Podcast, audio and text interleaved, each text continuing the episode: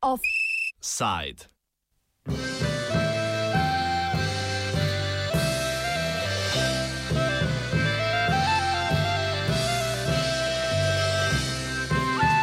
Zapuščina tranzicijskih tajkunov v Bohinju.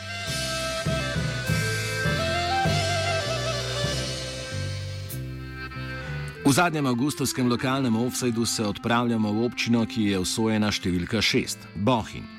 Bohin je šesta največja slovenska občina, na šestem mestu pa je tudi po številu nočitev tujih gostov. Teh pa bi bilo brško ne še več, če bi bila turistična infrastruktura v občini polno izkoriščena. S tem ciljamo predvsem na bohinjske hotele, vlaganje v katere je pomankljivo, dva izmed najpomembnejših pa sploh ne obratujeta. To dejstvo je predvsem posledica zgrešene privatizacije, ki je šest bohinjskih hotelov in en kamp prenesla v roke mreže privatnikov, ki jih bolj kot turistična ponudba očitno zanimajo nepremičninske špekulacije.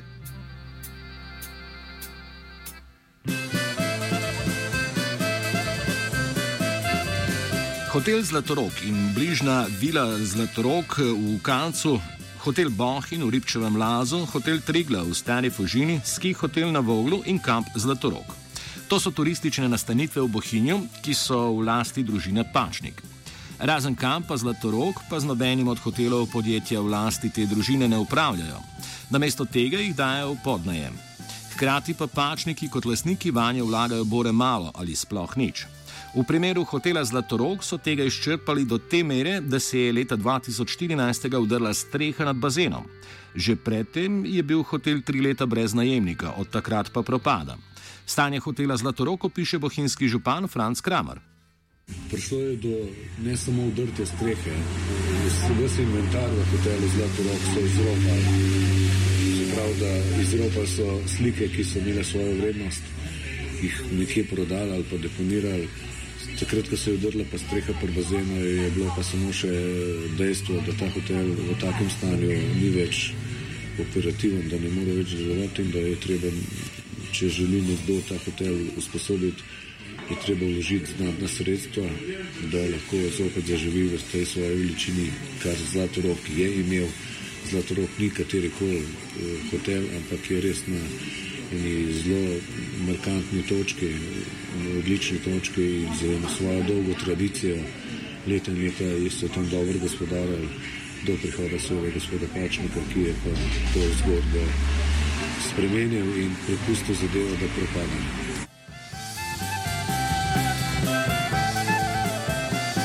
Ostale pačnikove nepremičnine obratujejo, a bolj kot ne v hladnem teku, brez večjih investicij.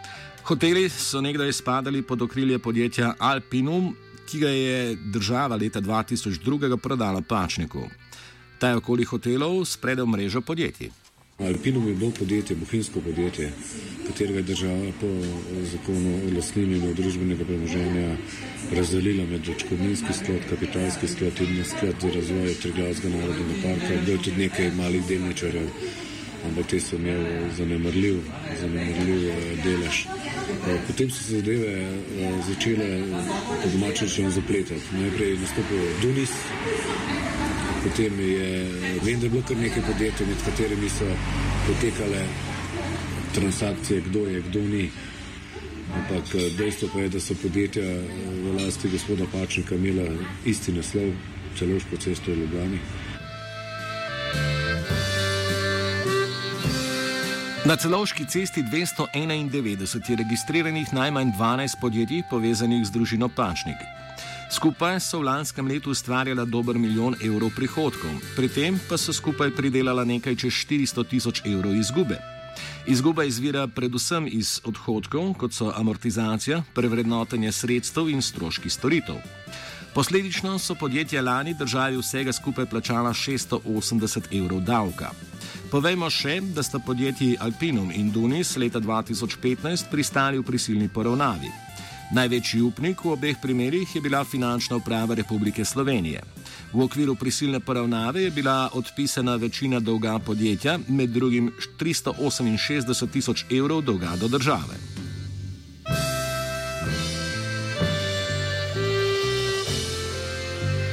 Devet izmed dvanajstih podjetij, registriranih na istem naslovu, deluje brez zaposlenih. Zmaga Pačnika ali njegovega sina Jana, ki trenutno upravlja z delom premoženja, nismo uspeli priklicati za intervju. Smo se pa odpravili na naslov, kjer so podjetja registrirana. Edina sled za 12 podjetji, ki naj bi delovala na celoški 291, sta dva poštna nabiralnika. Pisarne ni. Zaposleni v eni izmed pisarn v stavbi pa za podjetje Duniš še nikoli niso slišali.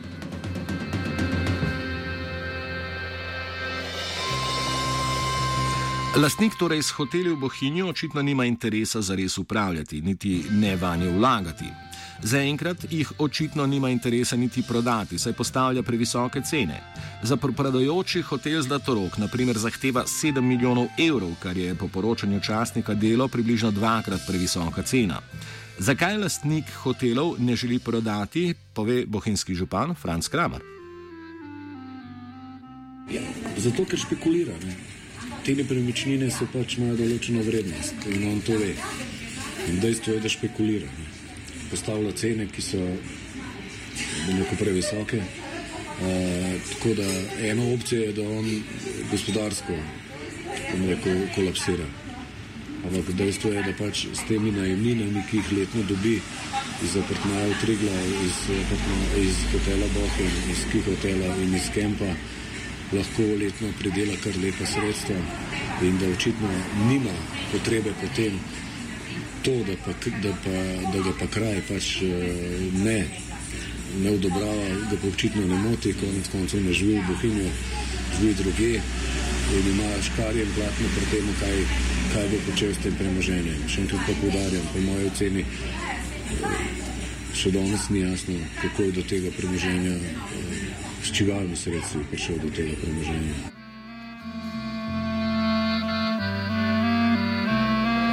Kako je torej družina Pačnik prišla do omenjenega premoženja? Družina Pačnik in konkretno je Zmago Pačnik sicer slovenski javnosti ni poznan kot eden izmed tranzicijskih tajkunov, a način akumulacije premoženja kaže v to smer. Pačnik je hotele kupil leta 2002 in sicer preračunalo današnjo vrednost za 2,2 milijona evrov. Za primerjavo, zdaj samo za hotel Zlatorog želijo iztržiti 7 milijonov evrov, za vse svoje hotele v Bohinju pa skupaj 16,8 milijona evrov. Kramer trdi, da je za prodajo hotelov v Pačniku stala takrat vladajoča liberalna demokracija Slovenije. Leta 2008 je zaradi pritiska takratne liberalne demokracije Slovenije eh, se odločil, da ne bom kandidiral za župana. Na volitvah je zmagala njihova županja, se pravi županja liberalne demokracije Slovenije, ki je na široko odprla vrata gospodu Pačniku, ko pravzaprav ga predstavljala na tiskovnih konferencah kot rešitelj Bohinja. Jaz sem že takrat vedel, da ta zgodba ne pije vode in da se bo zgodil prav nasprotno, ampak očitno ima gospod Pačnik močno politično zaledje. Vsi akteri tega so bili prisotni tudi pri odprtju začetka gradnje v Zbelskem gaju. Po mojem oceni eh, je finančni inženiring vodil podjetje gospoda Pačnika in uh, moja ocena je, da so tam sredstva, ki so jih ljudje uplačevali za varovanje stanovanja, izginila v Bohinju.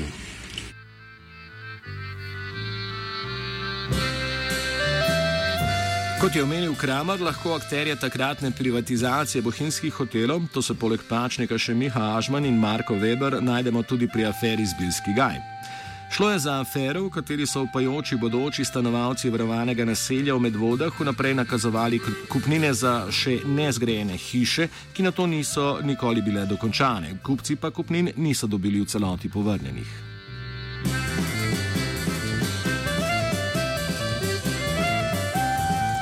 Pačnik je bohinjske kupi, eh, hotele kupil od takratne kapitalske in očkodninske družbe ter sklada za razvoj Triglavskega narodnega parka. Zato Kramer krivdo polaga na pleča takratnih državnih oblasti. E, tako da je bila to politična odločitev takratnega vodstva države e, in takratne stranke liberalne demokracije Slovenije. Prodajalci tega so bili KAT, SOT in pa sklad za razvoj Triglavskega narodnega parka. To je bil poseben sklad, ki je država ustanovila zato, da bo eh, na katerega je prineslo 20% vsega družbenega premoženja vseh hotelov. In ta sklad se v bistvu te vrednosti sklada se ne bi smeli prodajati, ker je v zakonu pisalo, da se lahko prodaja, eh, eh, da se lahko prodaja premoženje samo znotraj delničarjev. Dejstvo pa je, da so takrat odtujili to premoženje. Jaz sem tudi podal kazensko vadbo proti odgovorni osebi tega sklada, ampak je tožilc z meni neznanega razloga to, to eh, prijavo umaknil z argumentom, da ni elementov kaznivega dejanja, kljub dejstvu, da so prodali mimo zakona.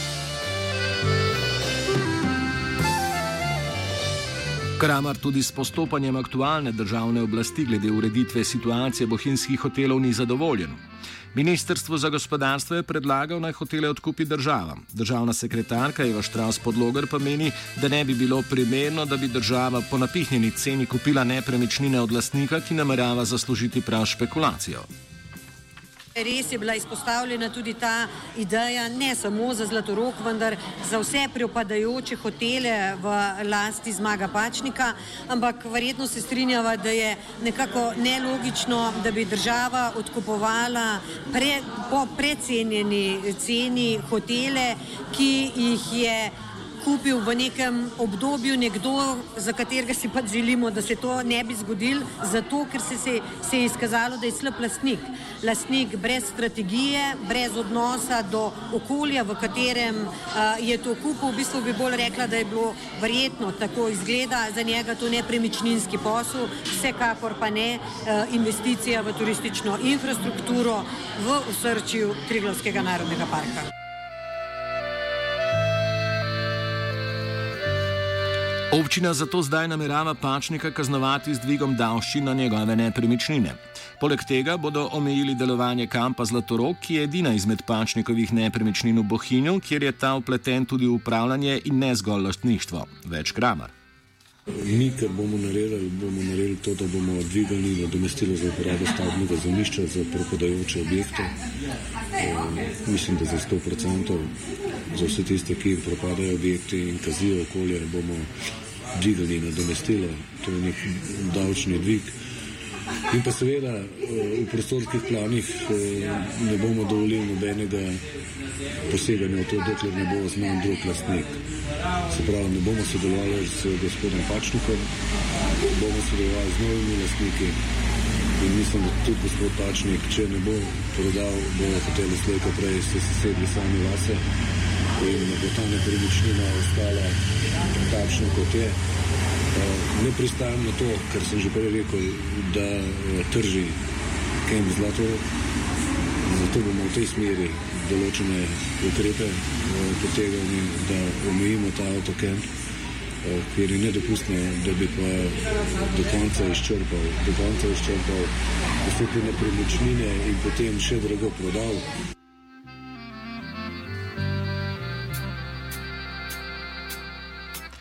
Pri teh ukrepih občino podpira tudi Ministrstvo za gospodarstvo, drugih boljših rešitev pa ta trenutek nima.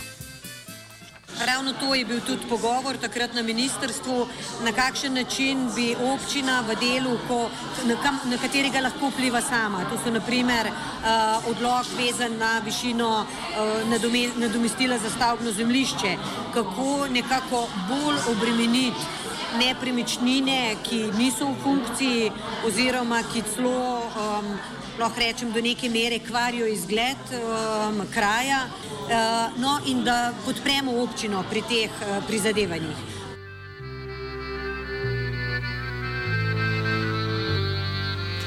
So se pa letos na bohinjski hotelski sceni vendarle začeli odvijati premiki. Prodana sta bila hotel Belve in hostel pod Voglom. Ta dva sta bila v lasti Jabca Jakopina, ki je bil sicer v preteklosti poslovno povezan s Pačnikom. Tudi njegov hotel Belvi že dlje časa propada brez najemnika, nekdanji hotel pod Voglom pa je bil spremenjen v hostel. Hotelem so na dražbi prodale banke, se je Japec Jakopin zapadel v poslovne težave. Situacijo teh dveh hotelov povzame Kramer. Belvi je že nekaj časa zaprt, tudi ta propada. Eh... Vidni so znaki propadanja na samem hotelu, na sami dependanci. Hotel pod Voglom se je nekje neko, ož, oživljal.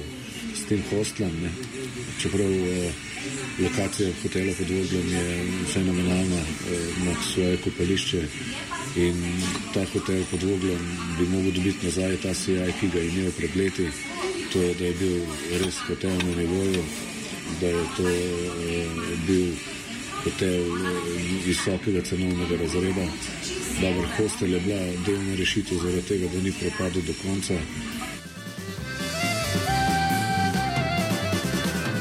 Oba hotela je na dražbi kupilo podjetje, ki deluje pod okriljem Ljubljanske načkofije. Od tam so nam sporočili, da trenutno izvajo analizo, ki naj bi bila končana do konca leta. Hotel Belvej imajo namen obnoviti, zaradi lokacije v Triglavskem narodnem parku pa pričakujejo, da bodo postopki trajali tudi več let. Kramer je vseeno optimističen.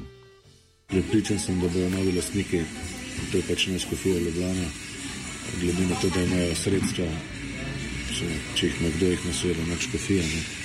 Uh, sem prepričan, jaz sem se tudi pogovarjal z direktorjem metropolitane, njihove ambicije so, so prave, se pravi, želijo upraviti, želijo adaptirati, želijo uresničiti to idejo, da bi tam bil res in podlogo in hotel, da bi bil visoko cenovni hotel, ki bi nudil res uh, vse tiste stvari, ki jih pač gost potrebuje v Bohinju.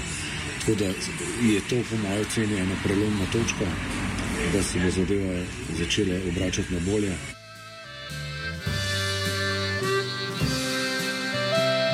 Kramer sicer povdarja, da hoteli niso vse in da so svojo pozornost za razvoj turistične ponudbe preusmerili drugam.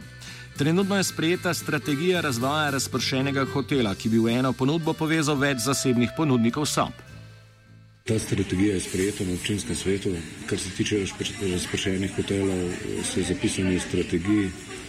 To pomeni, da so lahko namestitve v privatnih sobah in pa da je nekje centralna recepcija, v kateri se prodajajo vse te nočitve, da se organizira lahko tudi konec koncev zajtrke v določeni restauraciji. In to je ena oblika, ki mislim, da lahko pripomore, da domačini lažje tržijo svoje, svoje kapacitete in jaz mislim, da je to tudi prava strategija.